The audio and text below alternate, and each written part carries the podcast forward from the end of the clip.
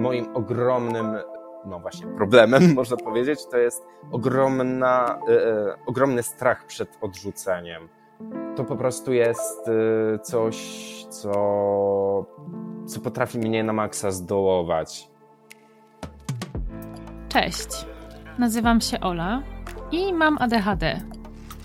A w tym podcaście rozmawiam z innymi kobietami, choć nie tylko, o naszej neuroróżnorodności, drodze do diagnozy i życiu przed nią i po niej.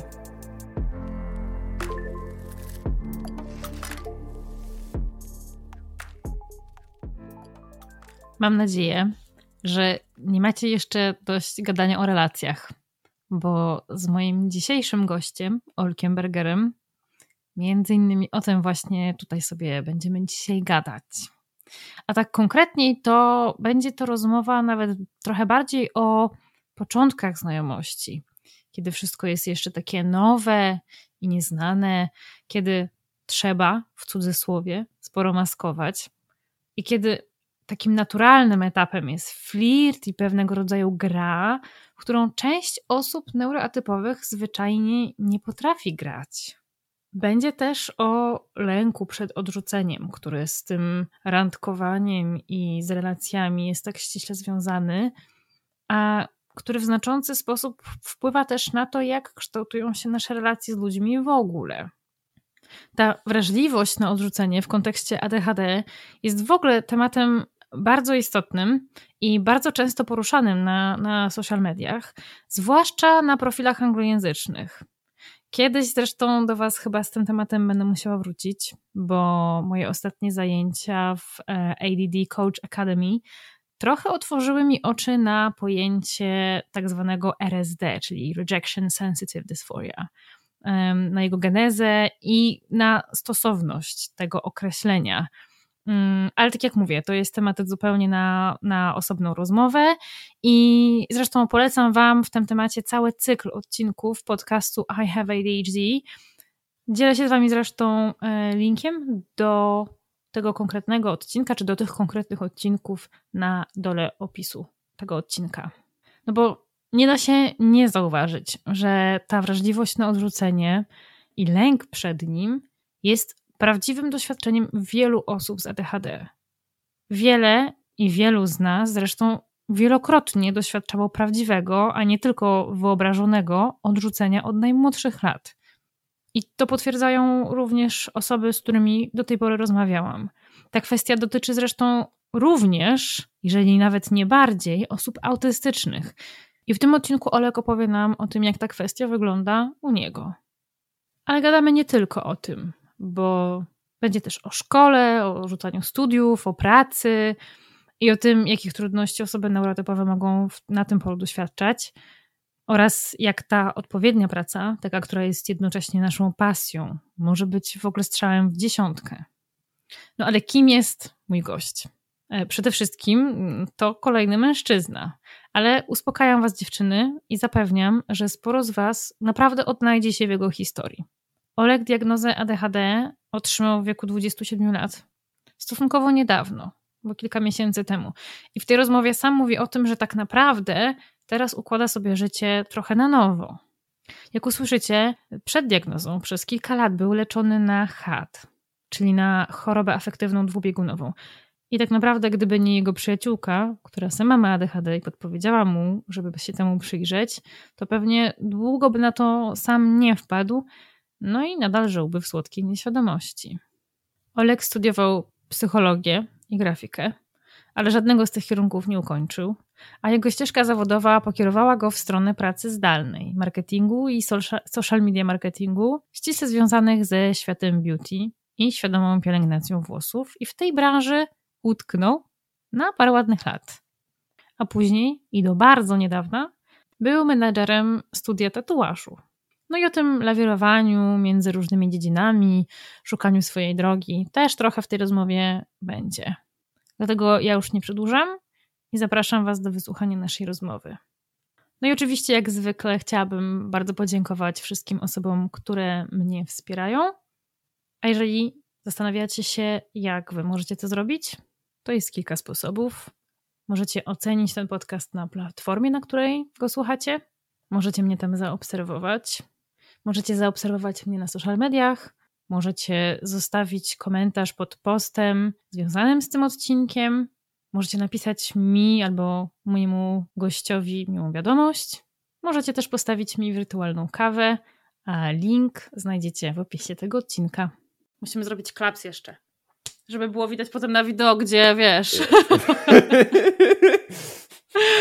Cześć Olek. No maneczko. W ogóle Olek i Ola usiedli do stołu i rozmawiają. Tak jest. Powiem ci, że rzadko spotykam Olków. E, a ja w sumie rzadko spotykam Ole. Naprawdę? tak. A to mi się wydawało, że to jest takie dość popularne imię Aleksandra w Polsce. Takie w ogóle, wiesz, międzypokoleniowe. No, w sumie. E, pracowałem w sumie z Olą, więc no, w sumie można powiedzieć, że miałem do czynienia z jedną Olą. To ciekawe, okej. Okay. E, tutaj zazwyczaj w Anglii e, ludzi konfunduje bardzo moje imię, bo e, widzą na papierze Aleksandra, a potem mhm. się podpisuje albo przedstawiam jako Ola i tak wiesz, ludzie zastanawiają się, czy ja się pod kogoś podszywam, czy zmieniłam imię, czy o co chodzi. No bo to jest takie nielogiczne, jak jak to możliwe, że skrótem od Aleksandry jest Ola albo od Aleksandra Olek? W ogóle nie ma tu sensu największego. No. E, ale zebraliśmy się tu dzisiaj po to, żeby nie gadać o imionach, tylko o Twoim w zasadzie doświadczeniu neurotypowości. Powiedz mi, ja jestem ciekawa tak na, na sam początek, bo Ty słuchasz mojego podcastu, przesłuchałeś parę odcinków i wiem, że słuchałeś tej rozmowy z Mariuszem. Tak jest. Mm, I jestem bardzo ciekawa tego, na ile bardziej, o ile w ogóle, odnalazłeś się w doświadczeniu jednego, jedynego faceta rodzynka do tej pory, z którym rozmawiałam, e, w porównaniu do, do doświadczeń moich rozmówczyń?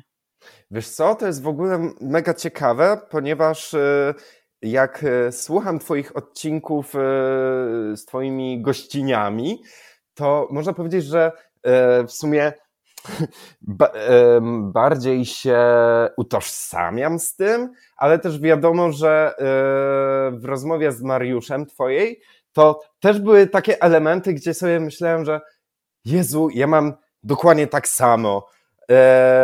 I to w sumie było tak krótko po mojej, po mojej diagnozie, gdzie ja już tak w ogóle mogłem zrobić sobie taki coming out bez wyrzutów sumienia. Wiesz o co mhm. chodzi? Mhm. No. Mm. Bo można powiedzieć, że u mnie moje doświadczenie wyglądało tak w ogóle, że y, ja w ogóle jakby nie brałem pod uwagę tego, że ja mogę mieć ADHD. No właśnie. To jak to było u ciebie z tym odkryciem? Y, jeżeli nie brałeś tego pod uwagę, skąd to ADHD do ciebie przyszło w takim razie? Eee, można powiedzieć, że po rozmowach z moją przyjaciółką, która została zdiagnozowana, E, gdzie tak e, rozmawialiśmy sobie o swoim doświadczeniu i ona też obserwowała moje jakby zachowania, reakcje też na przestrzeni roku czy dwóch lat, jak się znamy. E, I właśnie jak dostała tę diagnozę, to ona takie kurde. tak, tak kurde, miała takie weź się zdiagnozuj, bo to jest coś bo to mamy za dużo wspólnego.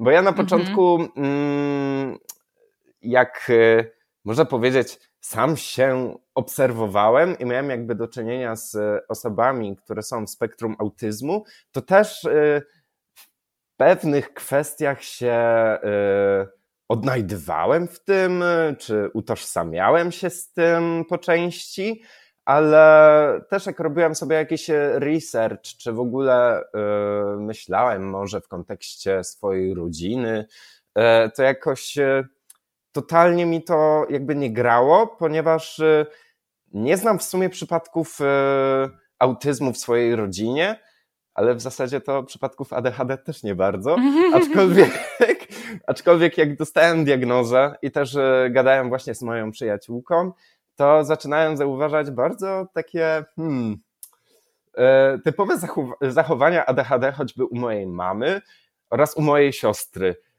I też to jest takie zabawne, że nigdy w życiu się nie zwracało na to uwagę, e, uwagi i tak nagle cyk, jak się zagłębiasz y, w ten temat, to nagle wszyscy, y, zaczynasz zauważać w swoich bliskich takie, takie właśnie typowe zachowanie, na przykład jak, jak takie obsesyjne sprzątanie. No, znaczy to jest taki, wiadomo, trochę przykład z dupy, ale właśnie, że mm, kogoś tak nosi, mhm. że na przykład moja mama ogląda telewizję i, i nagle wstaje i robi coś zupełnie innego, e, albo moja siostra e, wkręca się w jakiś temat i wkręca się w ten temat na tyle, że po prostu jakby maksuje tę wiedzę, e, czyta przeróżne artykuły, rozmawia z przeróżnymi ludźmi na, na różne tematy, chociażby na przykład ostatnio, jeżeli chodzi o mm, zaburzenia narcystyczne, czy zaburzenia mhm. osobowości narcystycznej? Jezu, mhm. nie chcę też źle powiedzieć, żeby, żeby nie było przypału, ale no właśnie też takie łapanie hiperfokusów.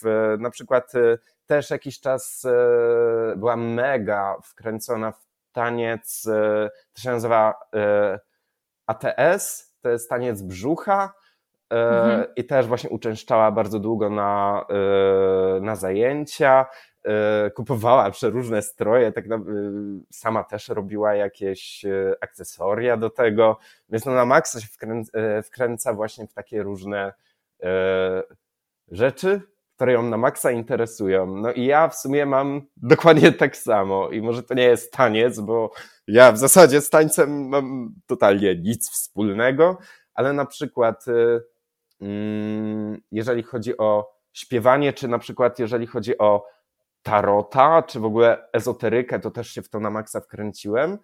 E, lub jeżeli chodzi o pielęgnację twarzy, włosów, to też w ogóle w tym temacie to siedziałem od lat, w sumie nadal trochę siedzę. E, mhm. I też e, mm, analizowanie składników kosmetyków, analizowanie w ogóle kosmetyków, do jakich potrzeb i tak dalej. No i to też jakby, znaczy no nie jakby, ale to też łączyło się z moją pracą do pewnego momentu. No i też można powiedzieć z moim Instagramem, gdzie w zasadzie większość moich obserwujących to jest właśnie z tych jakby takich E, czasów pielęg świadomej pielęgnacji włosów, gdzie tam ludzie mnie kojarzyli i w ogóle. E, także no, jeżeli chodzi o łapanie hiperfokusów, to no, to, to są takie jakby typowe, jeżeli chodzi o, o mnie, moją rodzinę, no. A rozmawiałeś kiedyś e, już po diagnozie albo w trakcie diagnozy z, ze swoją mamą i z siostrą o tym, że hmm, widzę u was takie rzeczy. tak jest. I co, jaka była reakcja? Eee, no, że my wszyscy mamy... Wszyscy jesteśmy, e, Jezu, nie chcę, nie chcę użyć e, mm, brzydkich słów. Wszyscy mamy z garem, w cudzysłowie. Okej, okay, okej. Okay. Wiadomo, to nie jest y, obraźliwe ani nic, bo my mamy wszyscy tak ogromny dystans do siebie, że no y, jakby biorą to pod uwagę, ale tak szczerze mówiąc wątpię, żeby coś więcej z tym zrobiły, bo jakby żyją z tym od tylu lat, jest okej okay. I no spoko. Mm, mm. A, a, też nie ma co się diagnozować w sumie na siłę, nie? Nie, oczywiście. Ja też właśnie znam takie osoby, które przyjęły to do wiadomości na zasadzie, no tak, jakby wydaje mi się, że mam. Mm, przez tyle lat, ile żyję, wypracowałem, wypracowałam sobie strategię radzenia sobie. Do niczego mi diagnoza nie jest potrzebna, nie chcę brać leków, więc jest okej, okay, jak jest. Mhm. I to też jest okej, okay, nie? No, dokładnie. E, a ja można powiedzieć, że y, zawsze totalnie czułem się jakby inny od y, rówieśników i od społeczeństwa w ogóle, można tak powiedzieć.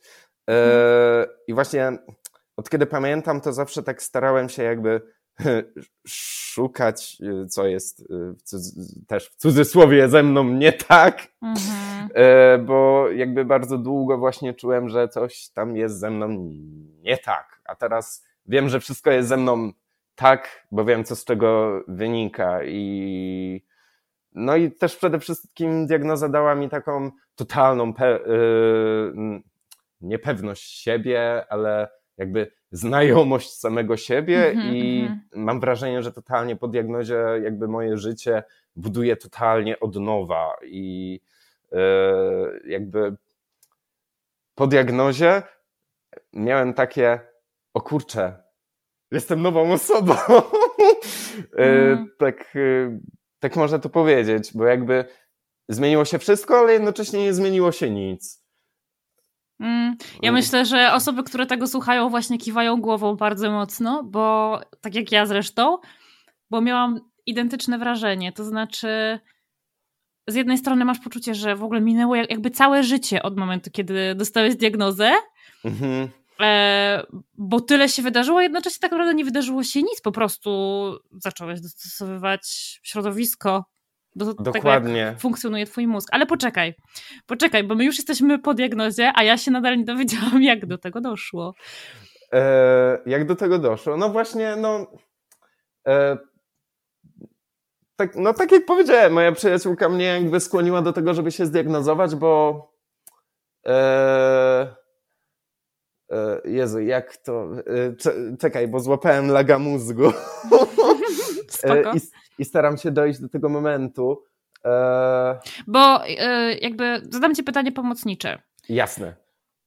Bo to nie była twoja pierwsza diagnoza, mhm. prawda?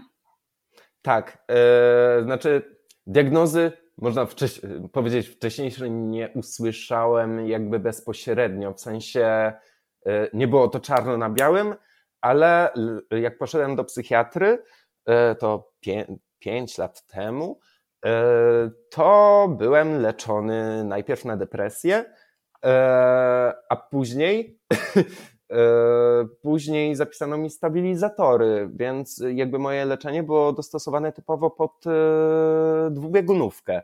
Mhm. Mm, gdzie mm, miałem w głowie takie, że ej, w sumie to ma sens. Dobra, okej. Okay. Bo jak w ogóle do tego doszło, dlaczego mi przypisano stabilizatory? E, ponieważ mm, musimy się cofnąć do czasów, jak studiowałem. Mhm. E, moje, historia moich studiów to jest w ogóle szalona i zakręcona, podobna, podobnie jak całej mojej edukacji. E, mianowicie, zmieniałem studia dwa razy. Mhm. Najpierw poszedłem na psychologię, ale stwierdziłem, że tam były w ogóle jakieś takie straszne fikołki, jeżeli chodzi o organizację i tak dalej, y, więc zmieniłem uczelnię, gdzie były studia jednolite magisterskie właśnie psycho, psychologii, ale totalnie jakby się w tym nie odnalazłem, więc poszedłem na grafikę. Taki oczywisty wybór po psychologii. Dokładnie. A że ja zawsze lubiłem, e, lubiłem rysować, lubiłem e, bawić się w Photoshopie, przerabianie zdjęć i w ogóle tego typu rzeczy, to stwierdziłem, no w sumie why not? No, pójdę, zobaczę. Nauczę się przy okazji programów i tak dalej i no może coś tam z tego będzie. No i poszedłem, pochodziłem rok. E, I na drugim roku, chyba w pierwszym półroczu, stwierdziłem, że e, to jest dla mnie za dużo, ponieważ e, jak były przeróżne konsultacje, właśnie jeżeli chodzi o jakieś tam zaliczenia, o pracę i tak dalej, to mm, strasznie narzucano mi to, co mam robić. I, i jakby ja, można powiedzieć, rozumiałem polecenia dosłownie, więc je robiłem, e, a tu się okazało, że, e, że nie, bo robiłem coś źle. E, no więc rzuciłem te studia, bo miałem dość. I, Jak długo no, studiowałeś grafikę? Półtora roku jakoś. Okay. No, więc można powiedzieć, że mniej więcej tyle samo co psychologię. Gdzie mm -hmm. z mhm. psychologii nie wyniosłem totalnie nic, a z grafiki wyniosłem w zasadzie cał, całkiem sporo, ponieważ no, nauczyłem się właśnie tych programów, jakby mm, zasad kompozycji, E, I tak jakby zauważam więcej rzeczy, e, takich właśnie, jeżeli chodzi o grafiki i tak dalej, zauważam więcej błędów e, niż taki przeciętny człowiek, mm -hmm. można mhm. powiedzieć, który w tym temacie nie siedzi. No więc to właśnie mi dały studia grafiki. I też te studia właśnie mi się przy, przydały w, dalej w pracy po prostu. No ale wracając, mm -hmm E, wracając, e, no to jak rzuciłem kolejne studia, bo stwierdziłem, e, że no mam dosyć, nic mi one nie dają i tak dalej, powiedziałem to swojemu psychiatrze, to tak, to miał takie, hmm, okej, okay. no to chyba przepisujemy ci stabilizatory. Ja takie, no dobra. Mhm. No. no i w zasadzie byłem leczony przez 5 lat y, na dwubiegunówkę, e, gdzie tak naprawdę te epizody hipomanii to tak naprawdę nie były epizodami hipomanii, tylko po prostu to była moja impulsywność, czy też właśnie łapanie takich, y, takich fokusów, czy, bo na przykład wiadomo, e, zajmuję się wieloma rzeczami naraz. E, żadnej z tych nie kończę. Na przykład e, włączam sobie film, oglądam sobie film, widzę powiadomienie na telefonie, no to siadam sobie do telefonu i przeglądam sobie Instagram. Tu e, zobaczę, o, coś ciekawego, no to sobie poczytam a film leci w tle. Ja takie, ej kurde, przecież oglądałem film. Nie, no to muszę zapauzować film, żeby dalej doczytać. Pauzuję film, E, później się orientuję, ej, ale ja ciągle czytam, chciałem oglądać film, dobra, włączam film, e, oglądam dalej film i nagle w głowie takie, ej, miałem zrobić pranie i idę robić pranie. E, później łapię coś takiego, że ej, w sumie jeszcze muszę posprzątać kuchnię, a w ogóle nie zrobiłem sobie jedzenia. Dobra, no to sprzątam kuchnię, robię jedzenie, idę jeść, włączam film, jem, ale za bardzo skupiam się w ogóle na jedzeniu, więc y, pauzuję film. No i to jest takie właśnie y, no, takie bekowe, jak się na to tak y, spojrzy z boku. Ja czasami jestem tak niedobodźcowana, że jak jem, zawsze jak jem, to musi coś lecieć w tle, zawsze, czy jem sama, czy z moim mężem, zawsze sobie coś włączamy. E, I czasami potrzebuję oprócz oglądania czegoś i jeszcze czytać jednocześnie coś właśnie albo przeglądać, gdzieś sobie scrollować na telefonie. Mhm. Y, więc tak naprawdę ani nie skupiam się na tym, co czytam, co przeglądam, ani na filmie, czy tam serialu, który oglądam. Y, ani już tym bardziej na tym jedzeniu. W ogóle to jest takie nieświadome jedzenie, że mhm. szkoda gadać. I czasami tak się orientuję, wiesz, tak się włączam taką pauzę mentalną, myślę sobie, co tu się dzieje w ogóle, co ja, co ja robię, na, na czym mi zależy w tym momencie.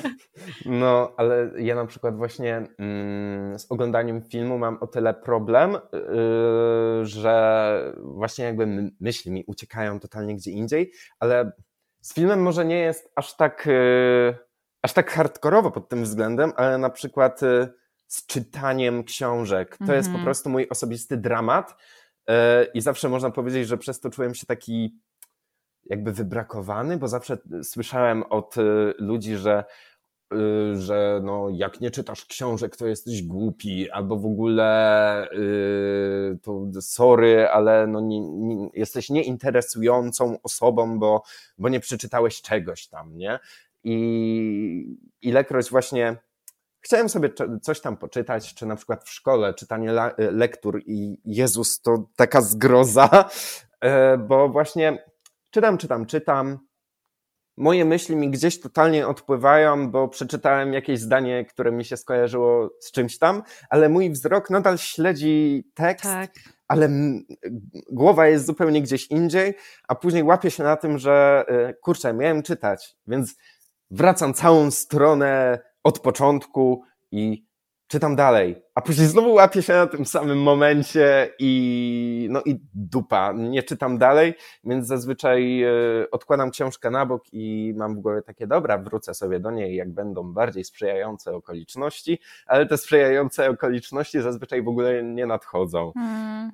Więc no to jest właśnie taki duży problem i właśnie też jeżeli chodziło o edukację, czy w ogóle o naukę i czytanie, żeby się czegoś nauczyć, to też, Jezu, to też był ogromny dramat i e, to w sumie pojawiło się tak troszeczkę e, końcówka podstawówki, e, początek gimnazjum, mhm. a później to już, to już mi towarzyszyło dosłownie przez no do końca mojej edukacji, nie? że mhm. właśnie jak było coś, co mnie totalnie nie, y, nie pochłonęło, y, nie zainteresowało, to mogłem sobie czytać, ale totalnie jakby nic, nic w tej głowie mi nie pozostało i wręcz y, to czytanie o tym, co mnie nie interesuje, to, to wręcz było takie strasznie męczące.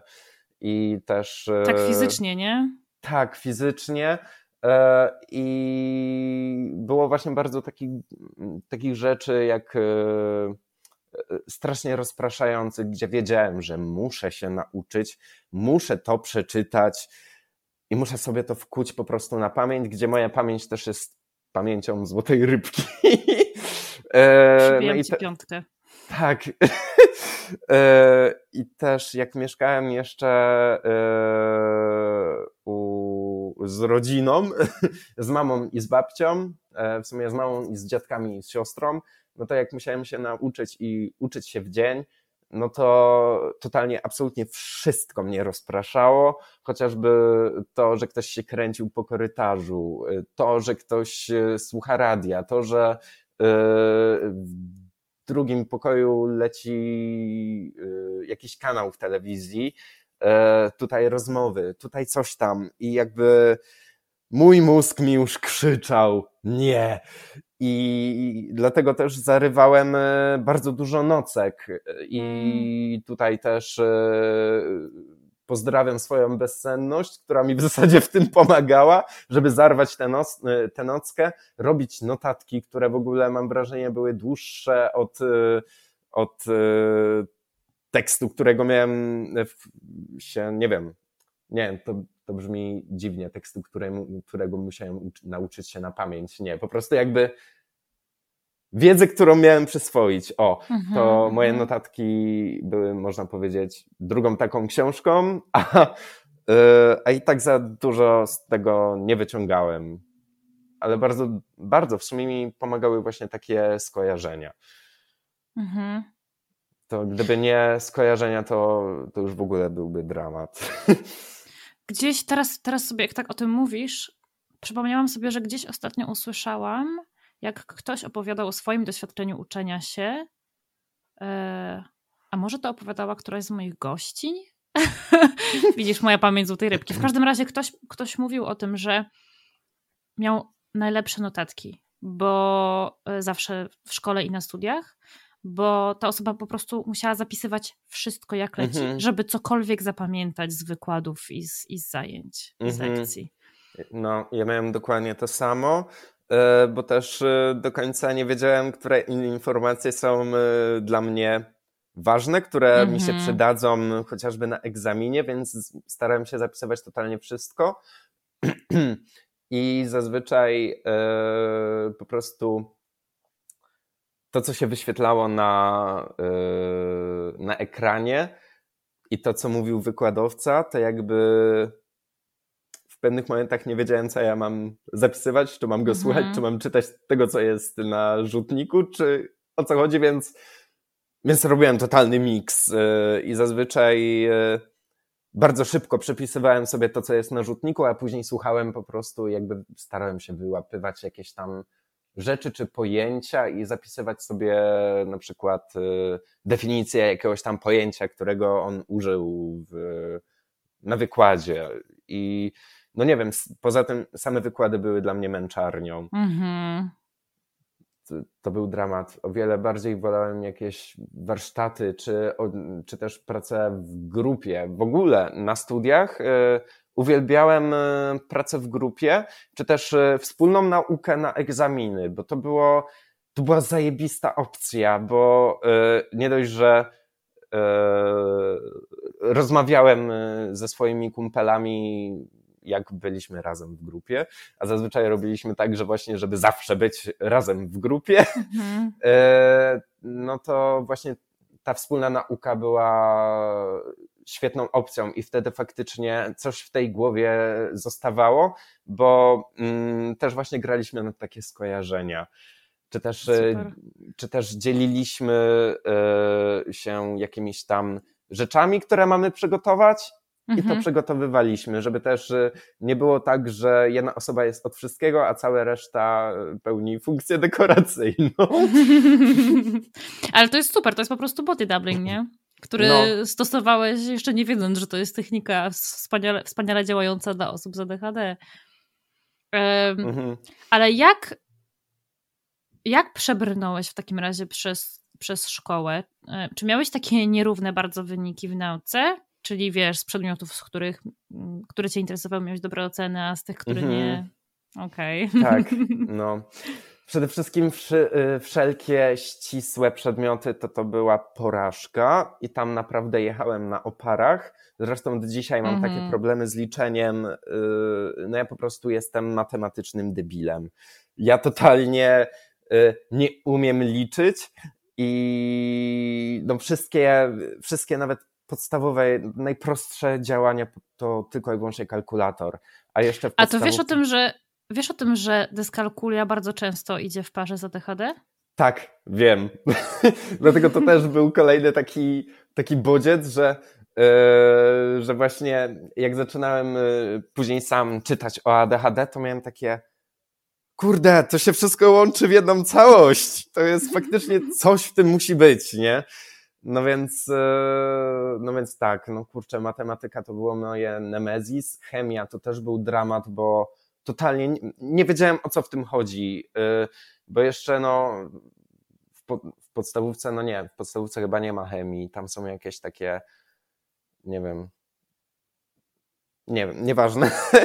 E, w gimnazjum już miałem tak chemię, taką chemię, chemię jako oddzielny przedmiot.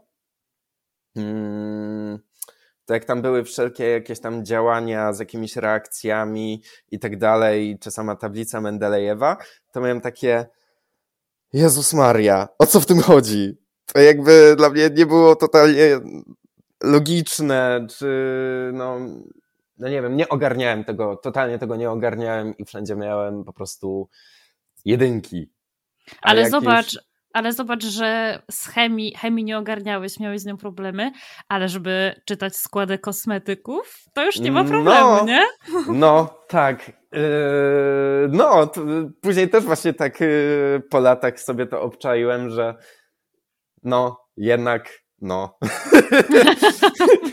no bo to też totalnie inna sprawa w sumie.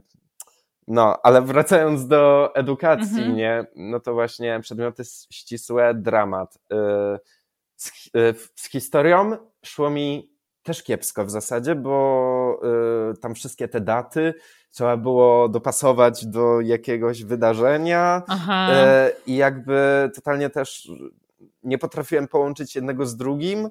No i też historia jakby za bardzo mnie nie interesowała, więc to dla mnie też były takie, nie wiem, no w mojej głowie to była taka wiedza bezużyteczna e, i no wszelkie sprawdziany z historii to, to też był dramat, bo jakby to wszystko mi się mieszało w głowie i zlepiało się w, w jedno, gdzie wychodziły totalne pierdoły. E, I no właśnie, no to historia to też był dramat, ale jeszcze tak, taki umiarkowany. E, geografia w miarę spoko, biologia spoko, e, język polski to w ogóle zajebiście, angielski nawet lepiej niż polski. E, więc właśnie z takich rzeczy mm, ścisłych to dramat, ale z całej reszty to było ok. No i tam wiadomo, plastyka i tak dalej, to, to tam było już też bardzo dobrze. Pod warunkiem, że to nie było y, nic związanego z, jak, z jakimś rzeźbieniem czy z plastelliną, bo w ogóle plastelina strasznie mnie obrzydza. E, nie wiem, czuję się brudny wtedy. E, ilekroć robiłem coś z plasteliną, to to Jezus Maria, e, to jak to się w ogóle lepiło do rąk i tak dalej, to to po prostu ała. Tak samo na studiach na rzeźbie, jak, jak lepiliśmy w glinie różne rzeczy, to to też był dramat, więc często po prostu pracowałem w rękawiczkach, a i tak to nie było do końca wygodne. Więc no, jakoś tam przez to przebrnąłem, a żeby było śmieszniej, to w ogóle z rzeźby miałem e, tak dobre oceny, że sam byłem w szoku. No, to było ciekawe. Hmm. To jak w końcu trafiłeś na no, no, no to wszystko, czym zajmujesz się dzisiaj, czy to jakoś samo do ciebie przyszło? E, no, poprzednia praca e, to, to łączyła się typowo z moimi zainteresowaniami i tam w zasadzie robiłem, można powiedzieć, wszystko, e, bo pracowałem w sklepie internetowym z kosmetykami do włosów. No i tam robiłem opisy produktów, mm, obsługa klienta mailowa, no cała praca była zdalna. Mm, później e, pisałem artykuły na bloga, które pozycjonowałem, też tego się sam nauczy, nauczyłem w ogóle pozycjonowania e, artykułów, stron i tak dalej. E, robiłem grafiki, później prowadziłem social media, jeden i drugi Instagram, gdzie też nagrywałem różne rzeczy, wszelkie takie interakcje z odbiorcami, no i też właśnie gadałem tam o tych kosmetykach przeróżnych. Jezu, co tam jeszcze? A, marketing doszedł do tego. No, można powiedzieć, że robiłem totalnie wszystko. Jakby we wszystkim dobrze się czułem. Mhm. Bierzesz leki w ogóle? Tak. biorę Medikinet, yy, biorę nadal ten stabilizator, lamotryginę yy, i. Czyli bierzesz dalej, ten stabi- bierzesz dalej ten stabilizator? Tak, tak. to ciekawe, bo byłam tak, jakby założyłam, że jeżeli w- włączono ci leczenie na ADHD, to, to, cię, to cię z tego to, to by cię z tego zdjęto, a jednak nie. Ogólnie y, też jak gadałem y, z osobami z ADHD, to też y, są, są takie. nie chcę tego nazwać przypadk, przypadkami, ale okej. Okay. Są takie przypadki, gdzie właśnie też osoby z ADHD biorą lamotryginę i działa na nich dobrze. Mhm. E, ja na przykład na początku leczenia brałem e, atomoksetynę mhm. E, i przy tym schodziłem z antydepresantu z venlafaksyny, gdzie w ogóle mhm. schodzenie z venlafaksyny to był ogromny dramat. Okay. To, był, to był taki dla mnie dramat. No też inna kwestia, że no, brałem ten antydepresant przez 5 lat E, to przy zmniejszaniu dawek, to po prostu to, co mi robi, robiła moja głowa, to był hardcore po prostu. E, od ataków płaczu, tak kilka razy dziennie, wow. po, e, po totalną jakby niechęć, ży, do, niechęć mhm. do życia i taką ogromną, jak to nazwać, takie ogromne poczucie samotności, które mhm. wręcz bolało no nie wiem, no schodzenie po prostu z antydepresantów, z venlafaksyny, to to było, było tragiczne, e, a jak już włączyłem atomoksetynę, mm, to z kolei pojawił się jadłowstręt, gdzie budziłem się rano mm. i chciało mi się po prostu wymiotować. To I... słyszałam, że tak może po niej być na początku. No, to, to było też straszne. W ogóle też schudłem, biorąc atomoksetynę, bo bardzo mało jadłem i to już był taki moment, gdzie po prostu wmuszałem w siebie mhm. jedzenie i po prostu starałem się go nie zwrócić. Mhm. I no, skonsultowałem to wiadomo z, ze swoją psychiatrką, no i przypisała mi Medikinet. I na Medikinecie jest, Jezus Maria, y, totalnie inaczej. Mhm. E, jakby można powiedzieć, że czuję się z sobą mhm. e, i jestem jakby w stanie się skupić i nie mam jakby takiej totalnej plątaniny myśli. E, no wiadomo, ona się pojawia, ale nie w takim natężeniu, e, w jakim, w jakim była, jak nie brałem e, Medikinetu. Czyli atomo ci nie dało tego efektu skupienia lepszego? Totalnie nie. Wręcz okay. bym powiedział, że no, Jezu, jak to określić? No, wie, więcej było tych negatywnych skutków niż pozytywnych na pewno, bo z pozytywnych okay. to w zasadzie nie wiem nie wiem, co było pozytywnego, jak brałem atomoksetynę. E, no, Ale to ciekawe, też, ciekawe też, że najpierw przepisano ci atomoksetynę. Najczęściej robi się w odwrotnej kolejności. Najczęściej psychiatrzy najpierw dają medykinę, to potem, kiedy jest, nie ma reakcji albo jest zła reakcja, to wtedy włącza, włączają atomoksetynę. Bo atomoksetyna to jest jednak lek drugiego rzutu. Więc mhm. ciekawe, że u ciebie to było zupełnie na odwrót. No. e, no cóż. Nie wiem.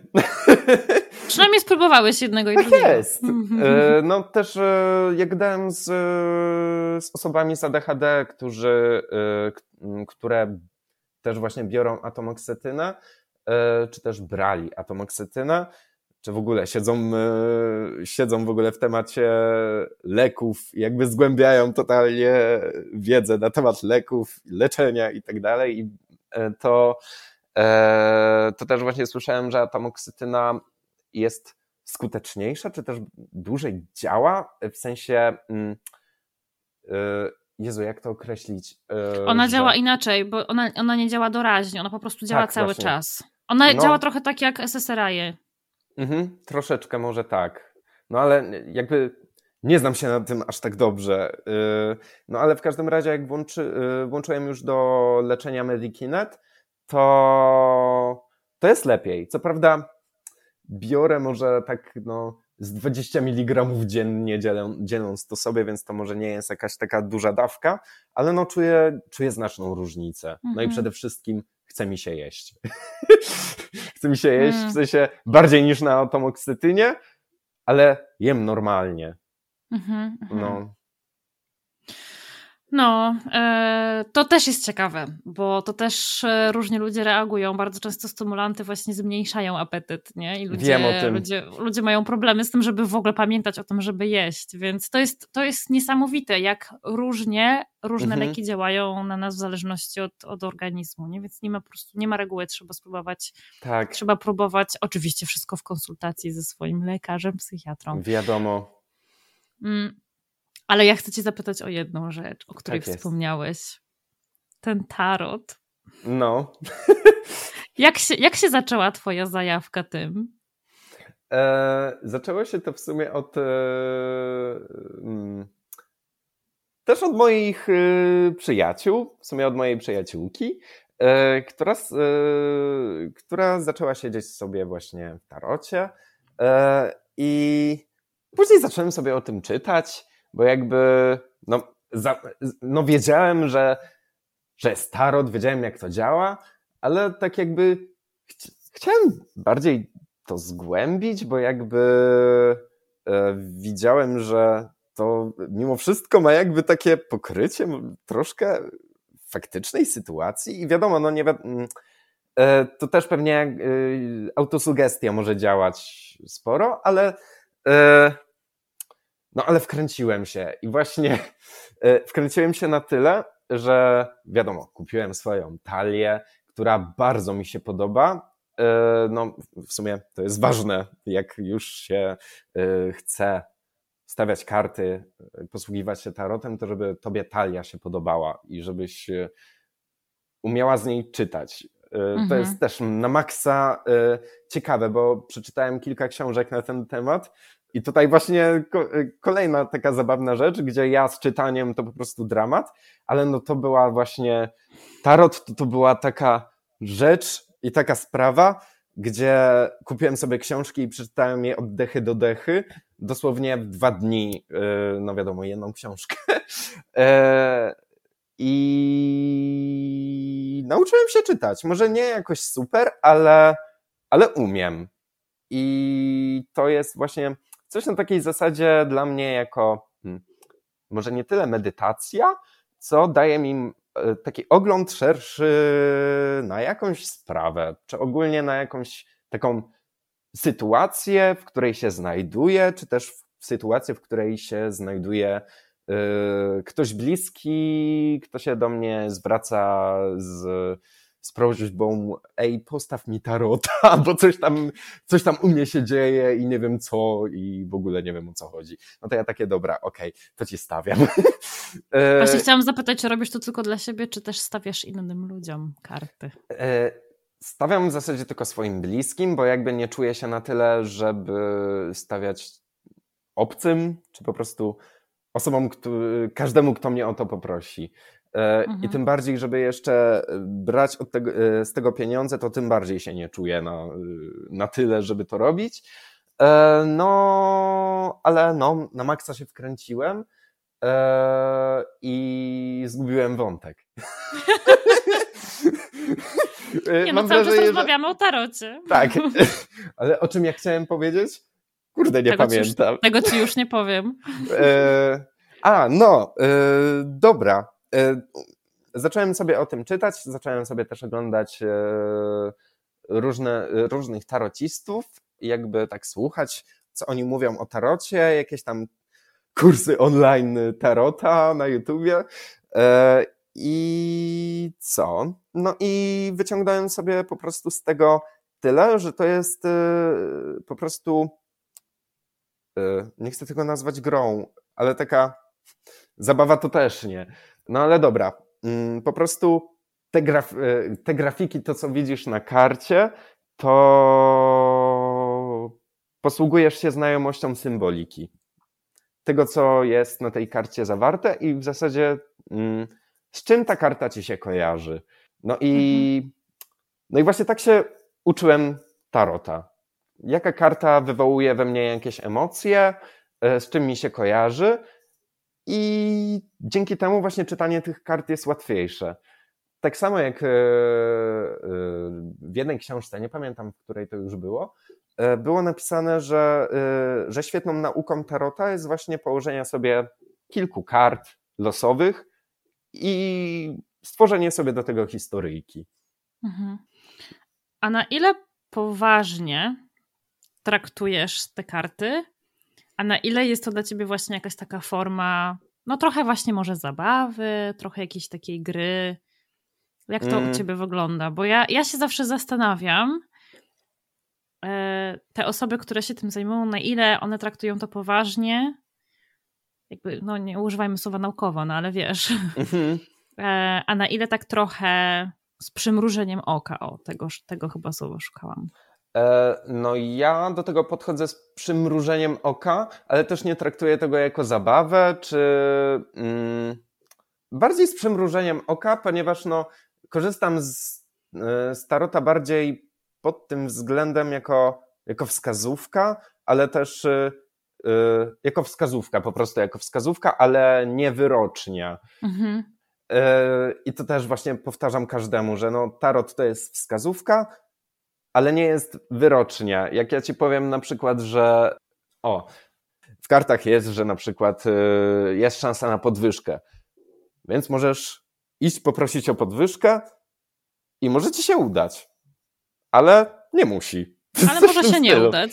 No, no dokładnie, nie? Y, ale też na przykład jak, y, mm, jak mnie czasami mm, pytano na przykład, czy czy znajdę partnera, czy to jest y, teraz możliwe. No to w kartach na przykład wychodziło, że no w tej sytuacji nie jest to możliwe, że skup się y, na tym, żeby rozwiązać jakieś tam, jakieś tam problemy i na przykład y, kilka kart wyraźnie mi wskazywało na to, zadbaj o zdrowie psychiczne, czyli, czyli na terapię i wtedy może poszukaj, e, może wtedy będzie ci łatwiej, coś w tym stylu, nie?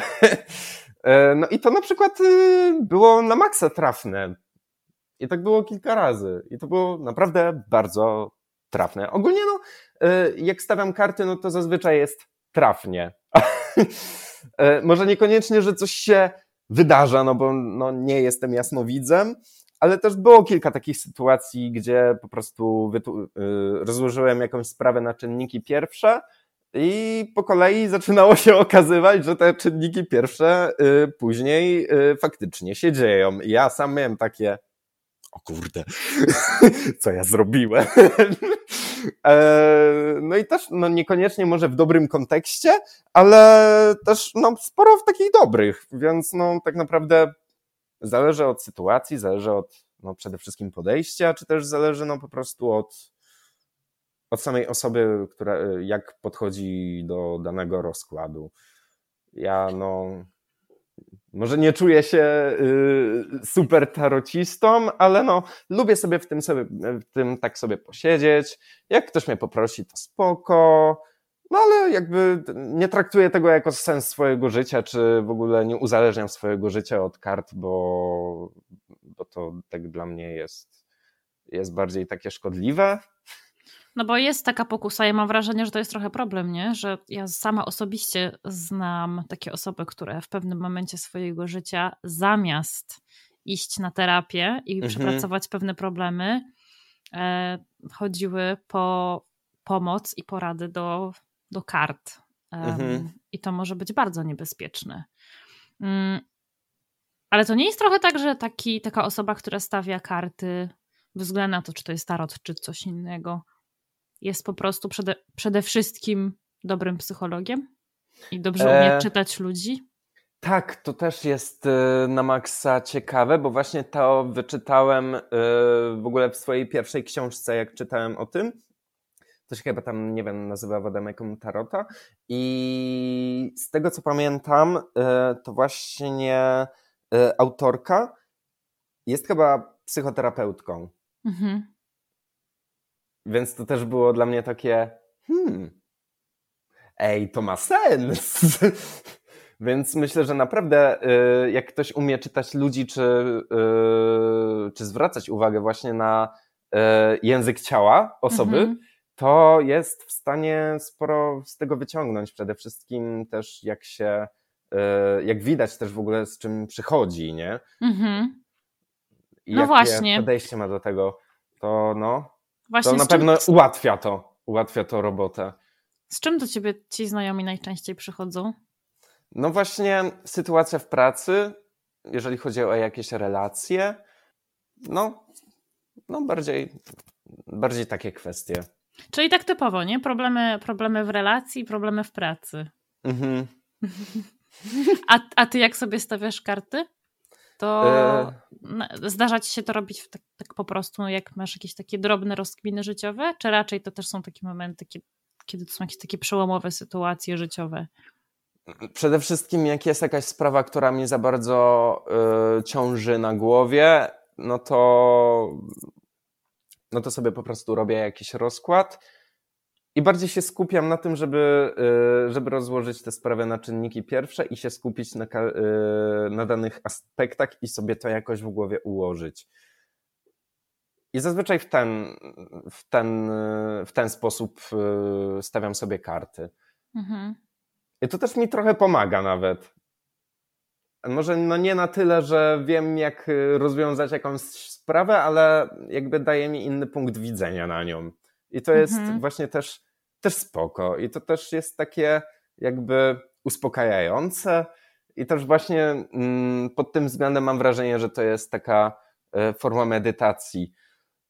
I takim mm. właśnie takie, takie me time typowe, że jestem ja, karty, kadzidełko i, i tyle. Fajnie, fajne to jest porównanie, bo rzeczywiście to, to może przybrać trochę taką formę. No i tak jak mówimy, nie? Tak jak powiedzieliśmy, że dopóki to nie odciąga cię od pomysłu, na przykład pójścia po profesjonalną pomoc wtedy, kiedy trzeba po nią pójść, no to to jest całkiem spoko. Mhm. Um, bo rzeczywiście, tak jak, tak jak powiedziałeś, to, to jest fajne, myślę, że to może dać taką inną perspektywę. Mhm. A to no trochę wiadomo, robi też terapia. No, nie zastąpi to terapii, wiadomo, nie? Ale to taki, to, no, forma medytacji, to wiadomo. Mhm. To spoko. A, a ty byłeś albo jesteś w terapii? Ojeju, nie. Dlaczego nie? Mm, przede wszystkim mm, obawiam się, że to by y, mnie troszkę y, finansowo dojechało, mhm. y, bo na pewno to nie, to nie byłaby kwestia spotkania raz na miesiąc, a też jakby boję się próbować na NFZ. Wiem, to już jest moja jakaś wewnętrzna schiza, bo boję się, że nie trafię na dobrego specjalistę i że się zrażę jeszcze bardziej. No, mhm. To jest, no wiadomo, no tak jak mówię, jakaś tam moja wewnętrzna schiza, dlatego pewnie do tego nie podchodzę, ale no wiem, że jest bardzo dużo spraw, które na pewno muszę przepracować i są nieprzepracowane, e, jak choćby właśnie przeżywanie przeróżnych e, E, rzeczy związanych z relacjami z ludźmi, czy też problemach w związku, które na przykład nie są problemem. No i moim ogromnym, no właśnie, problemem, można powiedzieć, to jest ogromna, ogromny strach przed odrzuceniem. Mhm.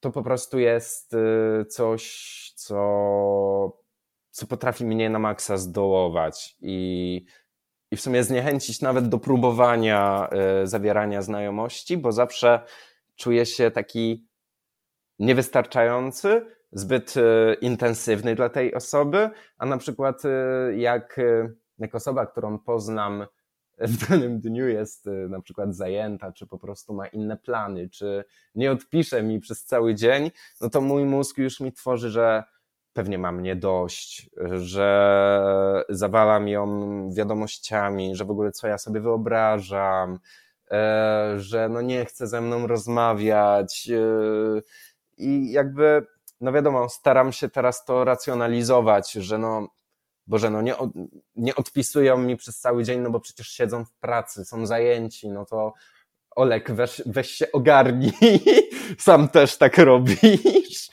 Ale no y, też no moje doświadczenia też mi troszeczkę, można powiedzieć, dały w kość, jeżeli o to chodzi, więc też dodatkowo jestem taki wyczulony na tym punkcie i też mój mózg mi płata figle, jeżeli chodzi o, o tę wrażliwość na odrzucenie. No to też jest taki typowy problem ADHD-owców. E, to jest właśnie ta mhm. wrażliwość na odrzucenie. Mhm. E, I to jest trudne do wyobrażenia dla osób, które tego nie przeżywają, bo to jest wręcz fizyczna reakcja. My to dosłownie. Tak. To jest. To jest taki strach przed odrzuceniem, taki normalny razy tryliard. Mhm, tak. No i też e, ilekroć e, jakiś mój związek się zakończył, to reagowałem naprawdę bardzo. Ja mhm. miałem dosłownie tak dwa tygodnie, jak nie miesiąc, wyjęty z życia. I to tak bardzo wyjęty z życia. I to była taka mieszanina emocji, tak no, skrajnych. Od, y, od wkurzenia po taki na maksa bolesny smutek. Mhm. Y, taką jakby też z takim łączone z pogodzeniem się, że takie no okej, okay, dobra, tak się zdarza, a później takie umrę sam i w ogóle coś ten, na ten deseń, y, coś w ten deseń. No i nie ukrywam, ale jak, y, jak ilekroć dochodziło do rozstania, to ktoś musiał przy mnie być i to tak fizycznie przy mnie być, mhm. żeby mnie pilnować, bo, bo po prostu moje reakcje były naprawdę przeróżne. mm. no, no, no dramatycznie ogólnie. Mhm. Powiem ci, że tak to poczułam, jak o tym powiedziałeś, bo ja byłam, dopóki nie spotkałam mojego męża, to nie byłam nigdy w takiej relacji, która byłaby dłuższa niż może kilka miesięcy. Mhm. Mm, I najczęściej ja byłam tą osobą rzucaną. Mhm. Więc to cierpienie, które przeżywam za każdym razem, wiesz, ktoś racjonalnie myślący mógłby sobie pomyśleć, no ale po kilku miesiącach, jak można tak bardzo przeżywać znajomość, którą się straciło? No można właśnie, właśnie mhm. można, bo to nie jest, to nawet nie jest o utracie tej osoby, to jest bardziej o nas i o tym, jak my się czujemy odrzuceni i tak jak ty mówisz, za każdym razem to jest takie poczucie, że no to już jest koniec, teraz to już umrę sam, sama. Tak jest. I już nigdy nie będę, nigdy nikogo nie poznam. Mhm. No i też przede wszystkim jest taka złość na siebie, że, e, że znowu komuś zaufałem i znowu dzieje się to samo. Już nigdy nie chcę nikomu zaufać, już mhm. nigdy nie chcę próbować kogoś poznawać i to jest właśnie, i to jest to. A później jak, e, jak się poznaje jakąś osobę, to jest totalnie odwrotnie, że właśnie i to jest też coś, e, e, na co mi zwrócono uwagę, łapanie fokusa, e, czy w ogóle hiperfokusa na ludzi i na tak, poznawanie ludzi, tak. gdzie poznajesz właśnie kogoś, ta osoba jest na maksa interesująca, chcesz ją poznawać, wręcz wręcz mm, ja czasami robię tak, że szukam tej osoby na fejsie y, i nie mówię tej osobie, to jest też takie, no, takie śmieszne, że no po prostu chcę wiedzieć o tej osobie, ale wystarczy, no wiadomo, zapytać czy coś, albo po prostu pooglądać sobie jej zdjęcia. I tak y, po prostu jak y, ja kogoś poznaję, to wkręcam się w tę znajomość na 100% i jakby pierwsza rozmowa z tą osobą trwa zazwyczaj kilka godzin i ja się nie odrywam y, no, od telefonu. Y, I czas, a czasami w ogóle bywa tak, że jak spotkam jakąś osobę, no, z którą już tam wymieniam wiadomości i jestem totalnie wkręcony, to na żywo na przykład jest zupełnie inaczej. Że albo ja mhm. jestem, yy, okazuje się faktycznie zbyt yy, intensywny, zbyt wielowątkowy i jakby właśnie nie daje dojść do słowa tej osobie, a jak, yy, a jak już daje dojść do słowa i ta druga strona powie właśnie coś, coś wiąże się z moimi zainteresowaniami, to ja już totalnie przejmuję pałeczkę i zaczynam o tym gadać, nie? A, a ja też mm, nie wiem, jak to określić. E, dziwnie się czuję z ciszą, w sensie czas, e, czasami właśnie jakby cisza potrafi być dla mnie niezręczna w relacji, zwłaszcza jeżeli z kimś się na początku super dogadywałem, ale tutaj znowu się włącza właśnie Y, strach przed odrzuceniem, że o Boże, ta osoba do mnie nie mówi. Ja chyba muszę zagadywać, bo albo nie, nie mogę zagadywać, bo będę za bardzo intensywny. No, no właśnie to jest coś takiego. Mhm to jest do przepracowania. Ja o tym wiem, że to jest do przepracowania i to jest. Ale to są bardzo trudne rzeczy do, do tak. pracy, tak. więc mhm. ja rozumiem Twój strach, taki ten lęk przed znalezieniem odpowiedniej osoby do, do przepracowania tego, bo to wcale nie jest oczywiste. W terapii to jest trochę tak jak w każdej innej relacji. Właśnie ta relacja jest najważniejsza. Tak. Więc znalezienie odpowiedniej osoby często przysparza problemów ludziom, których stać na to, żeby iść prywatnie. Mhm na, na NFZ nie ma takiego luksusu niestety. Więc... No, no i właśnie też mega bym chciał trafić do osoby, która ogarnia ADHD i ogólnie neuroatypowość, nie?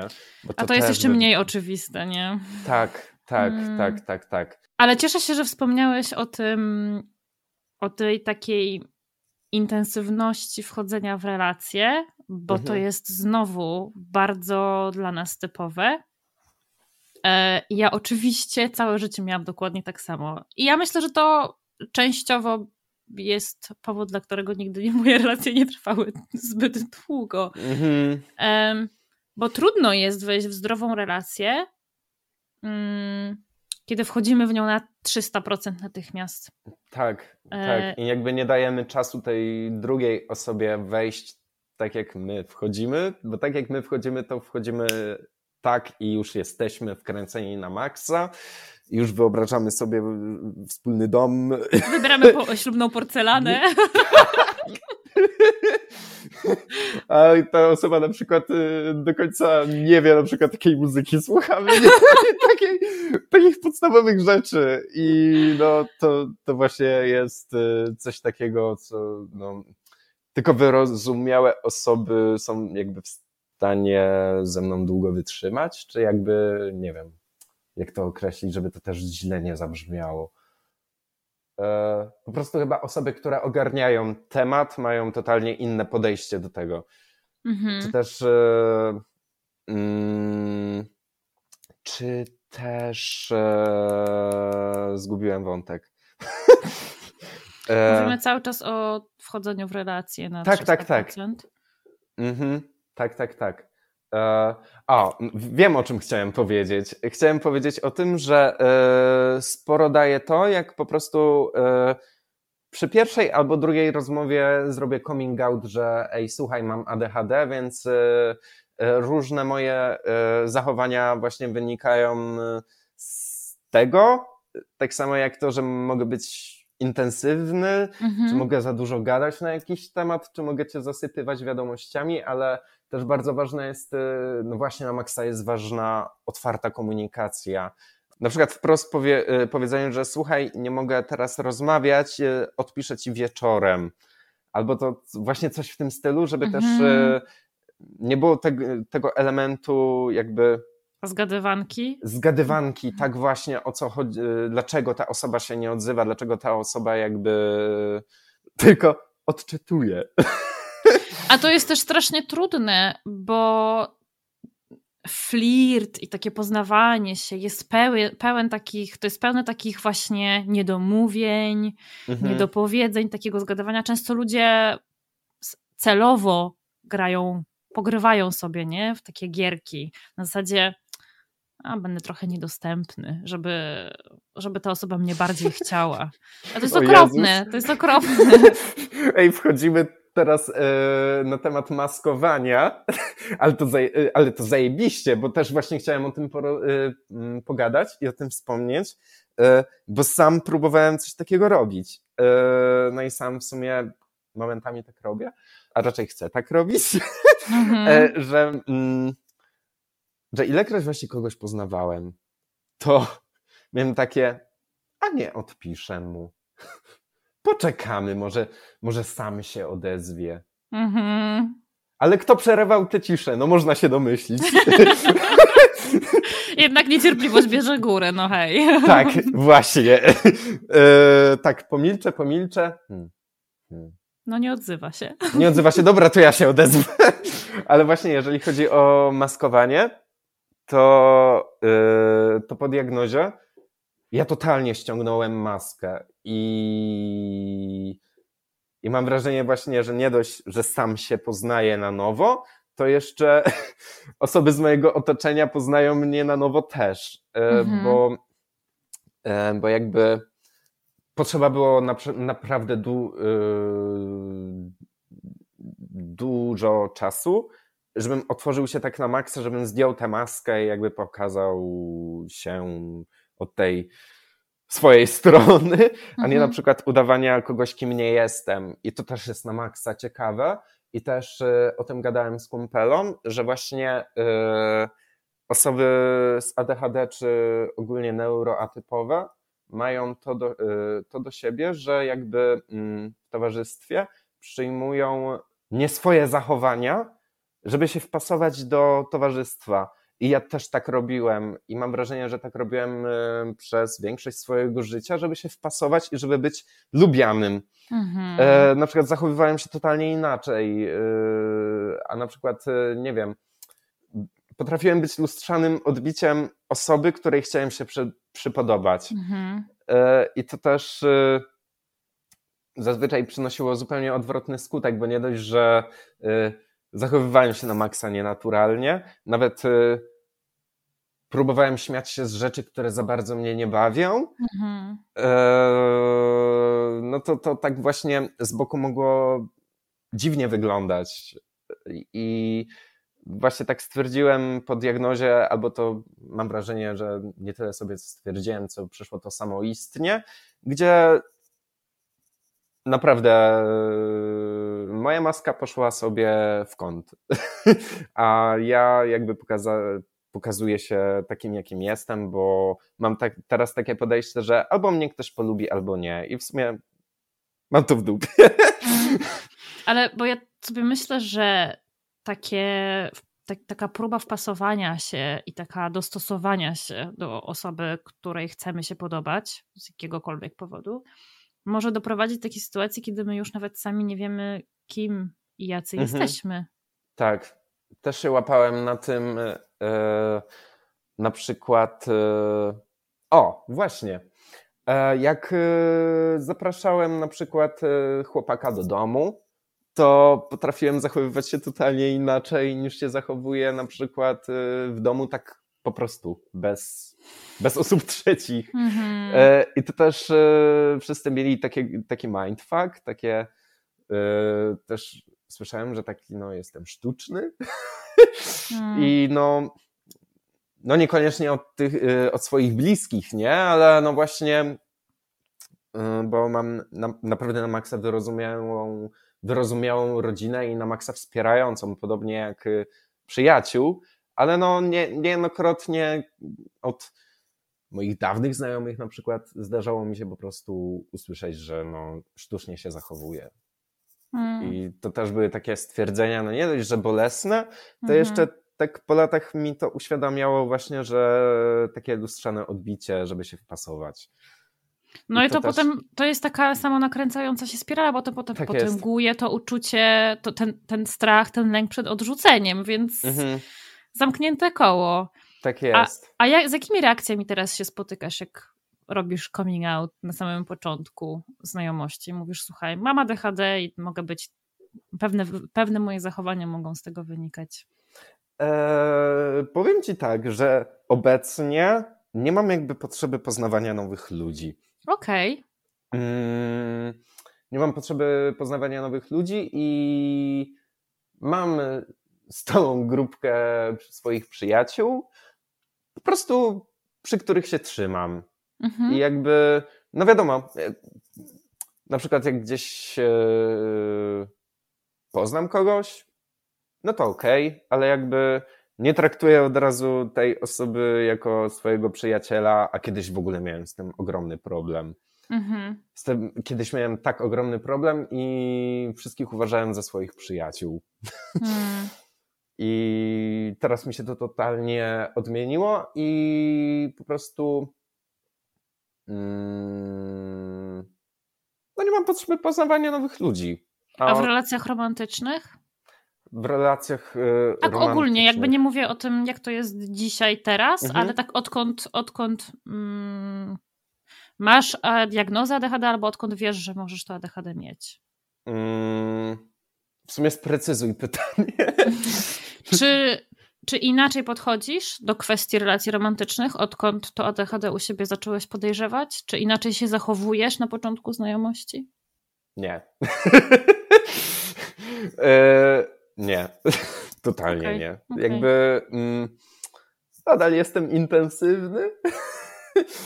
e, no i pokazuje się tak w sumie.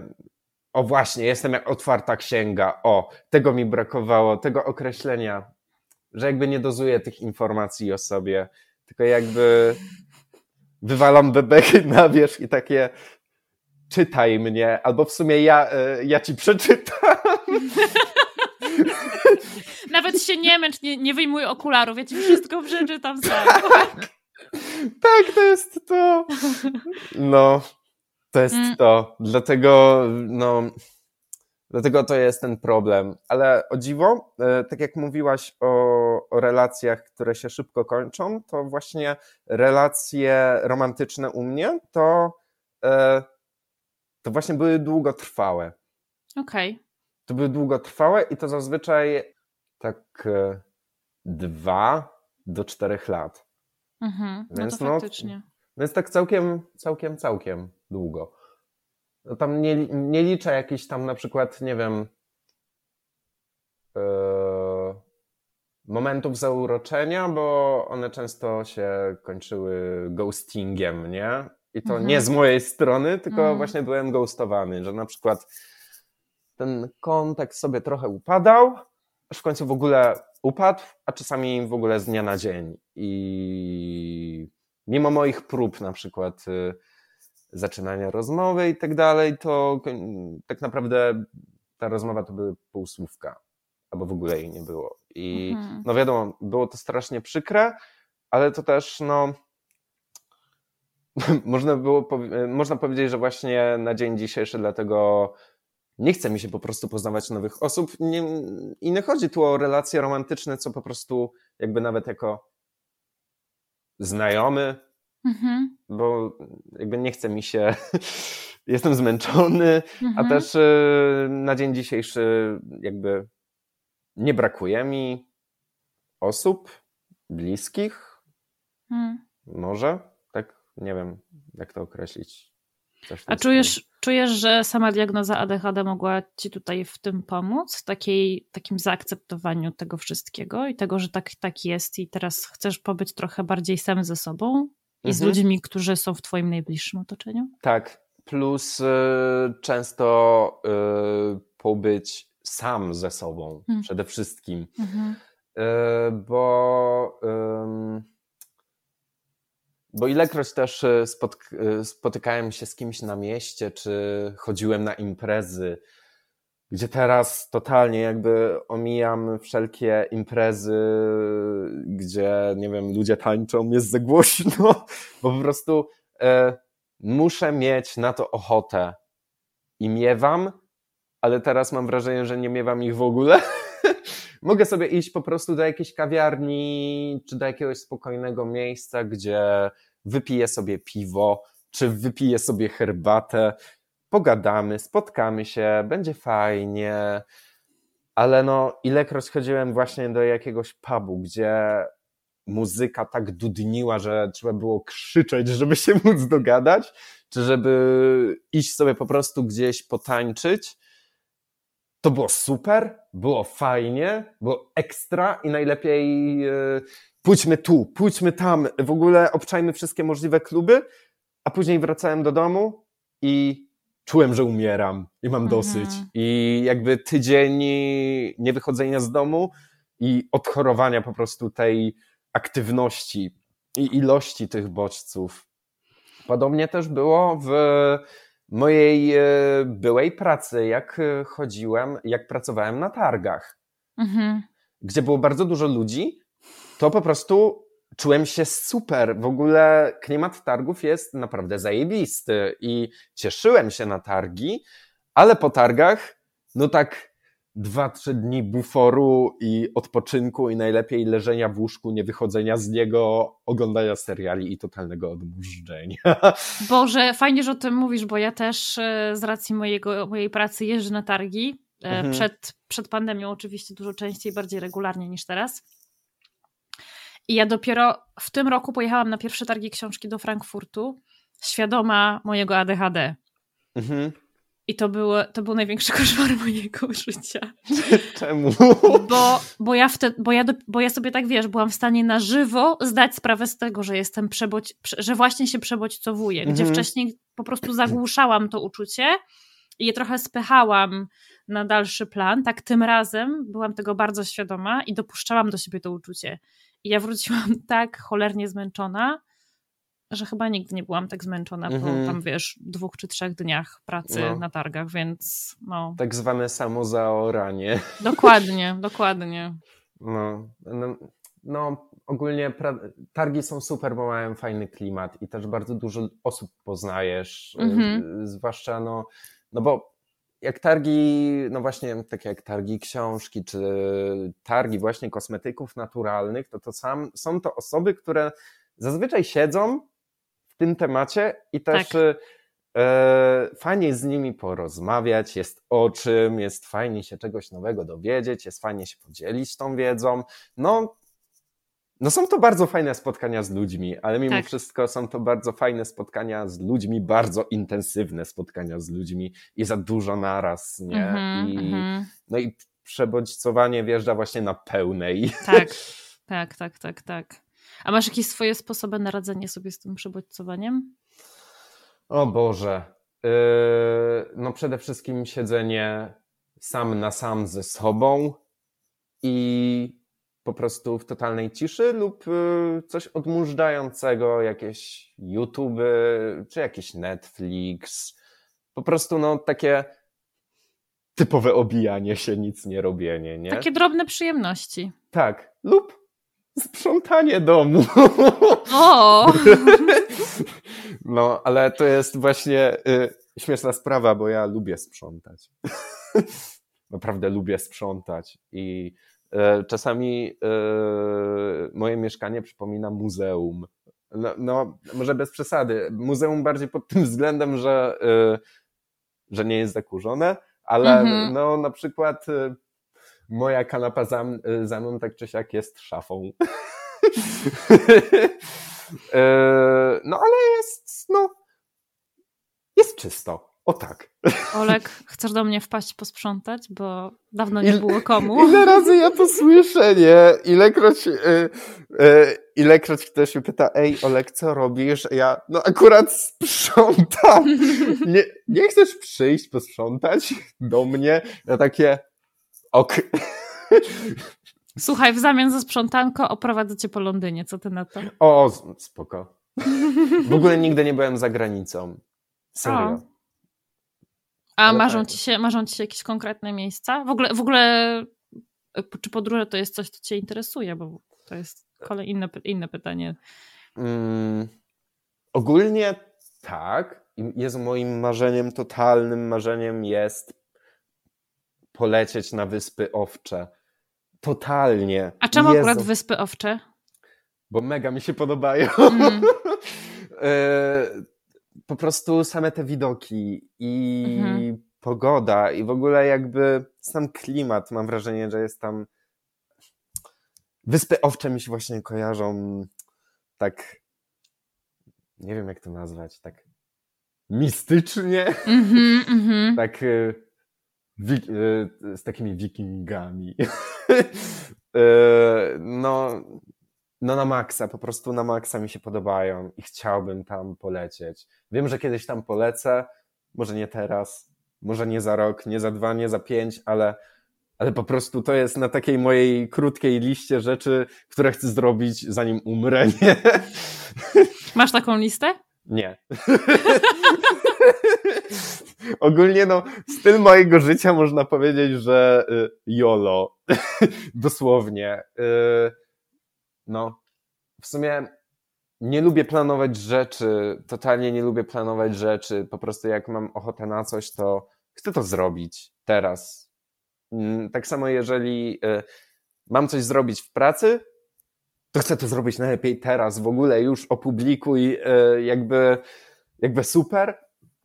No ale y, to też prowadzi do tego, że biorę za dużo rzeczy na swoją głowę. Mhm. No, totalnie. I, I to też jest właśnie taki krok do samozaorania. I też, no niestety, nie zawsze spo, spotykam się z wyrozumiałością, jeżeli chodzi o to, że na przykład yy, Olek, zrób to, to, to, to, to, to, to, to, to, to, to, to, to, a jak nie zrobię tego, to jest nagle yy, dupa, nie? I to no niestety się z tym spotykałem i no zawsze miałem takie, że no to jest na maksa krzywdzące. Mm. Gdzie wiesz, że dajesz z siebie 100%, w ogóle przodownik pracy jest yy, robotem, nie? A to nagle no dupa. I to też właśnie yy, sprawiało, zanim w ogóle zacząłem pracować ever, że się bałem pracy. Okej. Okay. Że bałem się pracy e, i ilekroć łapałem się jakiejś pracy, to mój strach jakby przed tym, bo no kurde, zazwyczaj to była praca, do której nie chciałem iść, ale, ale miałem takie, kurde, fajnie by było pójść do swojej pierwszej pracy i zarobić pieniądze. Mhm. e, no to łapałem się czego? Call center. Dramat. nie wiem dlaczego, nie? Gdzie ja po prostu nienawidzę rozmawiać przez telefon, ale, ale słyszałem, że no i wiedziałem, że no dużo młodych osób zaczyna od call center. No to ja takie, no dobra, to spróbuję. No i zahaczałem o o call center, no plus nie, nie ma bezpośredniego kontaktu z klientem i zawsze mi na tym zależało. Eee, no ale zazwyczaj bywało tak, że było tam mnóstwo rzeczy do przyswojenia i do wdrożenia i trzymanie się jakichś takich sztywnych ram i schematów i najlepiej nie wychodzenia poza nie, e, bo tam nie dostaniesz jakichś tam punktów za tę rozmowę i w ogóle tam premia, mm -hmm. coś tam nie. E, więc no to mnie na maksa zniechęcało, więc zazwyczaj kończyłem albo po jakimś tam tygodniu, czy maksymalnie miesiącu i mówiłem Elonara, nie, to nie jest dla mnie w ogóle. Albo nawet y, w trakcie mm, szkolenia, tego, żeby zacząć tam pracę, mhm. Y, to już tak wiedziałem, że o nie, nie ogarniam tego, tego i tego i wiem, że mój mózg będzie potrzebował dużo czasu, żeby to ogarnąć a im zależy na czasie właśnie, żeby jak najszybciej to ogarnąć i już wtedy po prostu wiem takie, nie, to nie jest dla mnie, nie ma opcji, nie? Mm. No, więc y, po prostu praca, która nie jest moim zainteresowaniem, czy też y, gdzie, y, gdzie w ogóle nie znam ludzi, nie wiem, kto tam pracuje, to nie wiem, wywołuje u mnie po prostu taki stres i od razu mhm. taką niechęć, można powiedzieć, i totalną rezygnację. No na przykład jak y, straciłem swoją poprzednią pracę, to, to nie powiem, by, byłem w mentalnej dupie. Bo coś, co robiłem przez y, prawie pięć lat, nagle cyk nie ma i coś, co na maksa łączyło się z moją pasją, nagle znika, nie? I jest takie, o kurde. I też w momencie, kiedy mieszkasz już sam, nie? Yy, I masz rachunki do opłacenia i w ogóle. I tak zostajesz z niczym. I takie, Jezus Maria, co ja mam robić, nie? I mhm. przeglądam oferty pracy, tu wysyłam mnóstwo CV i tak dalej.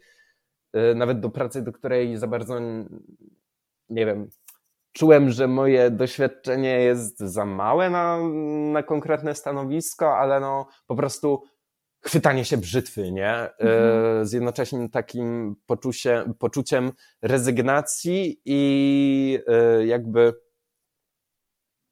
mm, wrażeniem, że, e, że tak naprawdę jestem, że nie nadaje się do tego, tego, tego, tego, tego, bo coś tam zawaliłem i w ogóle.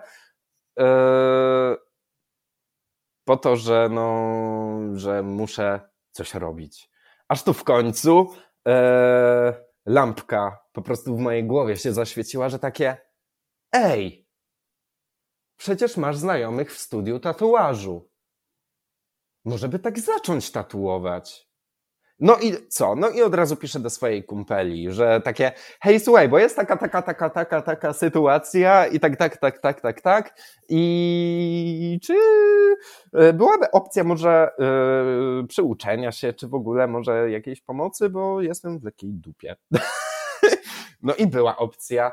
Yy, I ogólnie yy, miałem zacząć praktyki i tak dalej i w ogóle, ale sytuacja się też zmieniła i e, że zostałem menadżerem.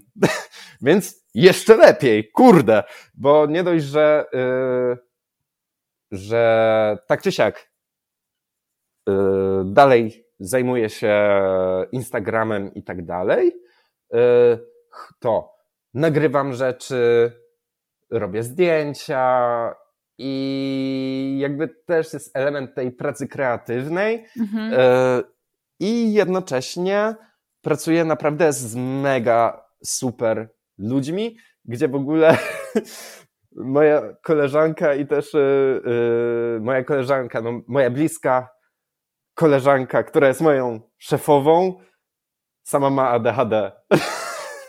Olek, ja chciałam powiedzieć, że mój, e, mój instagramowy profil podcastowy obserwuje całkiem sporo profili e, tatuatorek i tatuatorów, tak. więc ja mam wrażenie, że to jest takie bardzo sprzyjające środowisko e, mhm. dla, dla takich mózgów jak nasze, więc coś tu no. musi być chyba. No, to jest całkiem możliwe. No bo z jednej strony masz taką możliwość tego kreatywnego wyżycia mhm. się, a z drugiej strony no to nie jest taki sztywny zawód, wiesz, jak siedzenie w, w biurze i tak, klikanie tabelek no. w Excelu. No, y, choć y, ja na przykład y, polubiłem siedzenie w Excelu, ba, nawet zrobiłem na potrzeby mojej pracy sam arkusz w Excelu, który sam mi liczy rzeczy. Co, co prawda robię tego arkusza arkusz, arkusza było na maksa śmieszne, ponieważ żeby sprawdzić, czy dobrze mi liczy, to jednocześnie sprawdzałem z kalkulatorem w telefonie.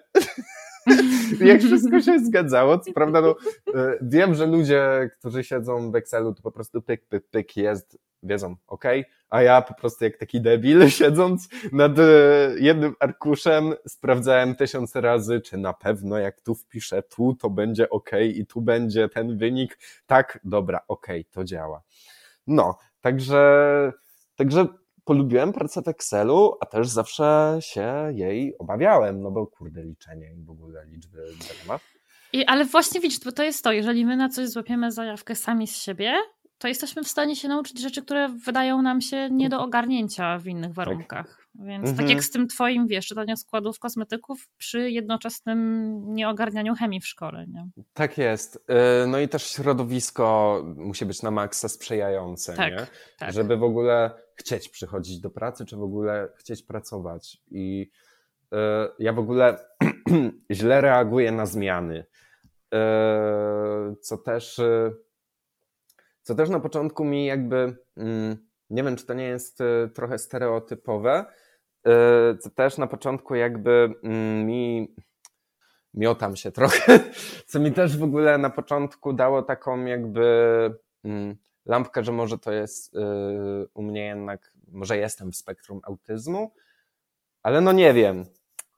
Po prostu no, nie lubię zmian. I, mhm. A jak jest jakaś zmiana w pracy, czy w ogóle jakaś zmiana w życiu, yy, tak, no, chociażby zmiana pracy, tym bardziej pod przymusem, no to mam takie, że nie wiem, czy to się wydarzyło, takie jakby, nie wiem, totalny brak od, odnalezienia siebie mhm, mhm. w życiu. I mam wrażenie, jakby że też sama diagnoza to była też dla mnie taka zmiana, gdzie teraz właśnie nie dość, że wiem, co z czego wynika, to jest to zmiana, do której teraz się muszę jakoś przystosować i wiem też nad czym mam pracować i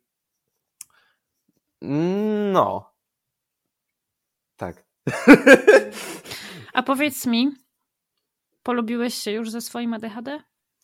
Eee, biorąc pod uwagę, że żyję z nim, tak żyję z samym sobą, e, to myślę, że tak, chociaż na początku, jak już wiedziałem, że mam ADHD i coś mi nie poszło, czy, czy wiedziałem, że no właśnie coś, e, czy ta kotłowanie myśli, czy też właśnie ta wrażliwość na e, wrażliwość. Ciągle mówię właśnie wrażliwość przez ten skrót, nie?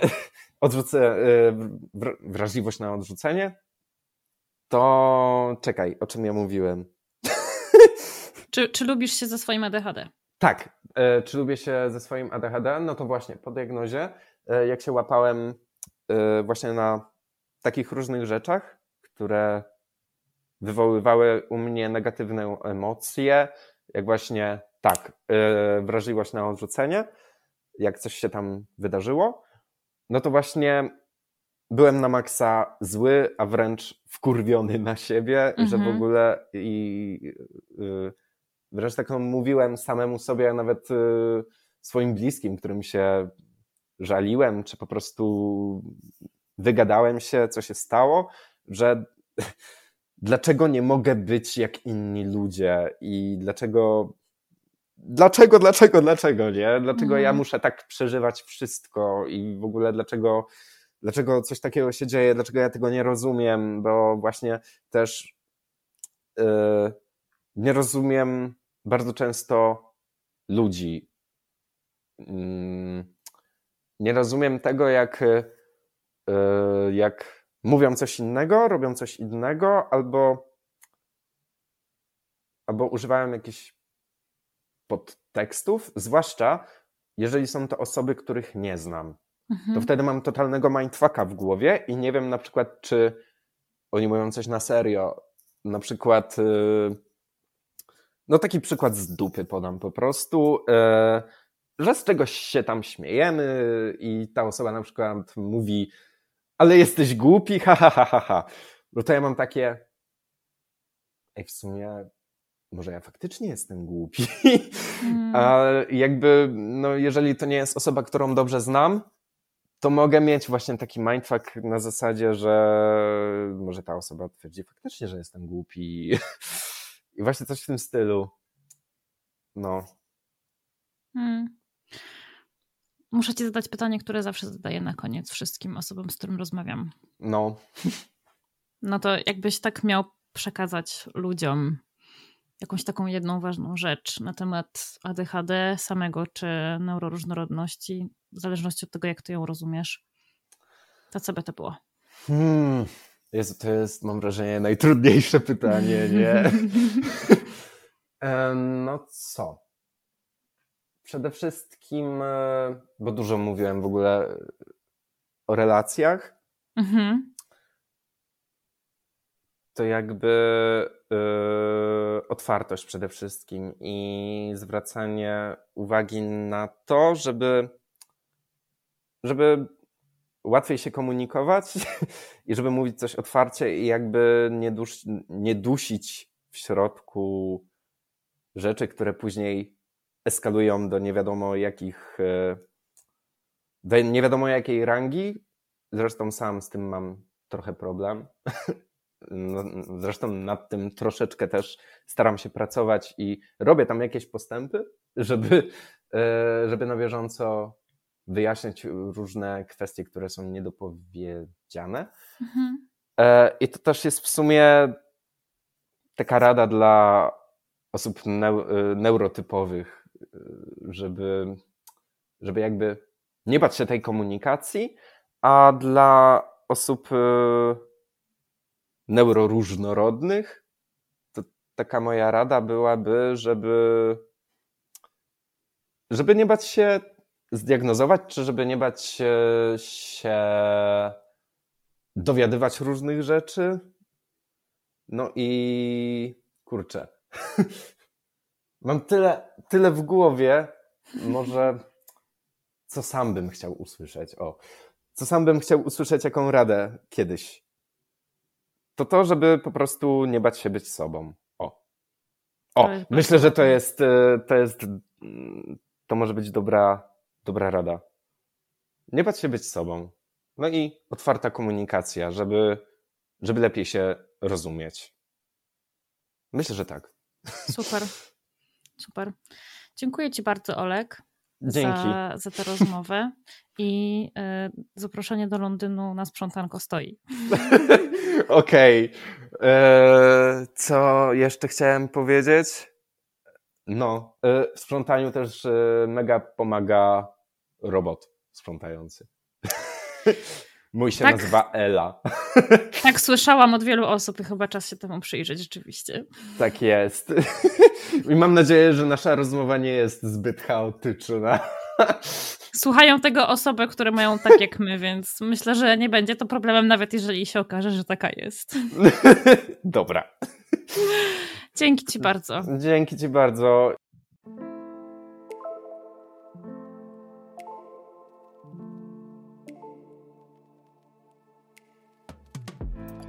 Wielkie dzięki za wysłuchanie tego odcinka.